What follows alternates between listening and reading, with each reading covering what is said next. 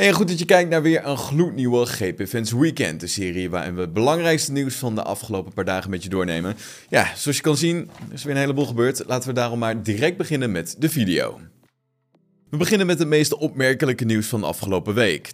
Tijdens de eerste vrije training viel er namelijk een rookwalm te zien op de achtergrond van het circuit. Er was namelijk een raketaanval ingeslagen op een oliefabriek van Aramco op slechts zo'n 10 kilometer afstand van het Jeddah Corniche Circuit.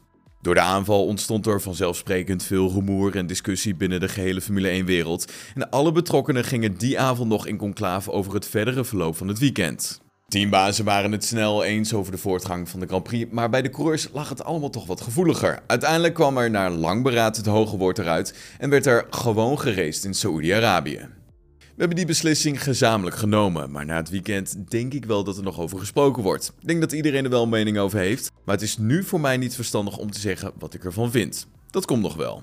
Gaan we door naar het team van Haas, dat een veelbewogen weekend beleefde in Saoedi-Arabië. Op zaterdag was het namelijk Mick Schumacher die zijn bolide verloor en op hoge snelheid hard in de muur klapte. Bleek gelukkig alles in orde te zijn met de Duitse coureur, al kon hij op zaterdag niet in actie komen voor het team. Dat lag niet aan zijn gezondheid, maar Haas moest zuinig doen met de beschikbare onderdelen en het opnieuw opbouwen van de gehele auto zou mogelijk de deelname aan de Grand Prix van Australië in gevaar hebben gebracht. Uiteindelijk was het dus Kevin Magnussen die er alleen voor stond op de grid voor Haas. En dat deed hij door twee knappe punten te scoren.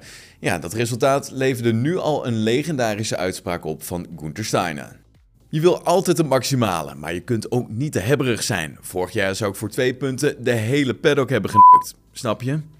De kosten voor de crash liggen tussen een half miljoen en 1 miljoen dollar. Na zijn zeer knappe puntenfinish tijdens zijn eerste race in Bahrein werd de tweede race van Joe snel om eentje te vergeten.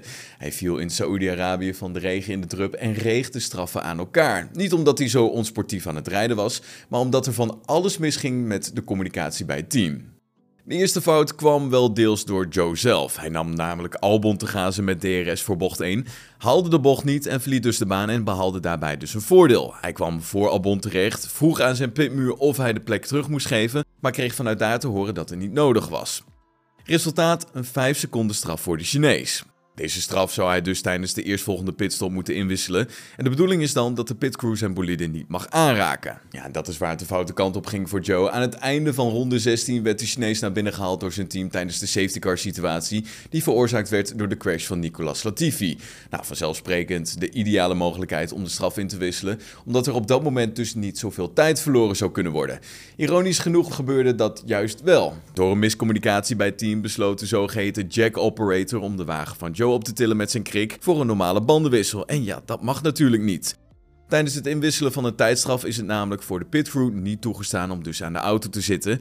ja, er zijn altijd twee jack-operators beschikbaar en door een probleem met de radiocommunicatie was de jack die de wagen van Joe op moest tillen niet op de hoogte van de straf toen de zogeheten Jack uiteindelijk realiseerde wat er nou precies aan de hand was, was het al te laat. Wat volgde was een soort van knullig schouwspel. De Jack liet de wagen van Joe abrupt van zijn krik vallen, terwijl het team eieren voor een geld koos en de banden probeerde te wisselen. Nou, hij probeerde de wagen opnieuw op te tillen. Dat lukte niet helemaal en toen moest eh, de hoofdjacker er maar aan te pas komen om zijn collega bij te springen. Omdat hij de straf niet heeft kunnen inwilligen, kreeg hij tot overmaat van ramp ook nog automatisch een drive-thru penalty aan zijn broek. Gaan we door met Nico Hulkenberg, want hij vertelt open te staan voor een terugkeer in de Formule 1, maar wanhopig is hij allerminst. De Duitser viel in zowel Bahrein als Saoedi-Arabië in voor landgenoot en Aston Martin-coureur Sebastian Vettel. Natuurlijk mis ik het racen, dat is mijn natuur, maar ik ben gretig, niet wanhopig. Als het niet zo moet zijn, nou ja, ik was er mentaal een soort van klaar mee. Deze dingen, die invalbeurten, zijn nu gebeurd door corona, 2020 en nu.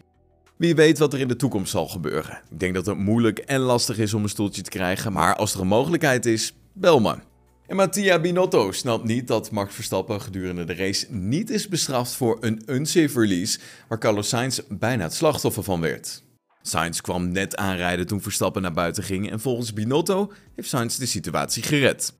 Het spijt me, maar als Carlos niet afremt, belandt hij op Max. Ik weet niet hoe ze hem niet hebben bestraft.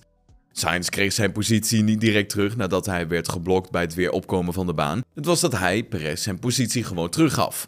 Als Sainz onmiddellijk terug was gekeerd op P3, had hij kunnen proberen Verstappen aan te vallen. ja, dat zijn allemaal stukjes die uiteindelijk de race kunnen beslissen.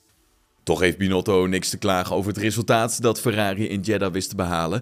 Leclerc werd tweede, Sainz werd derde en daardoor staat Ferrari nu bovenaan het constructeurskampioenschap.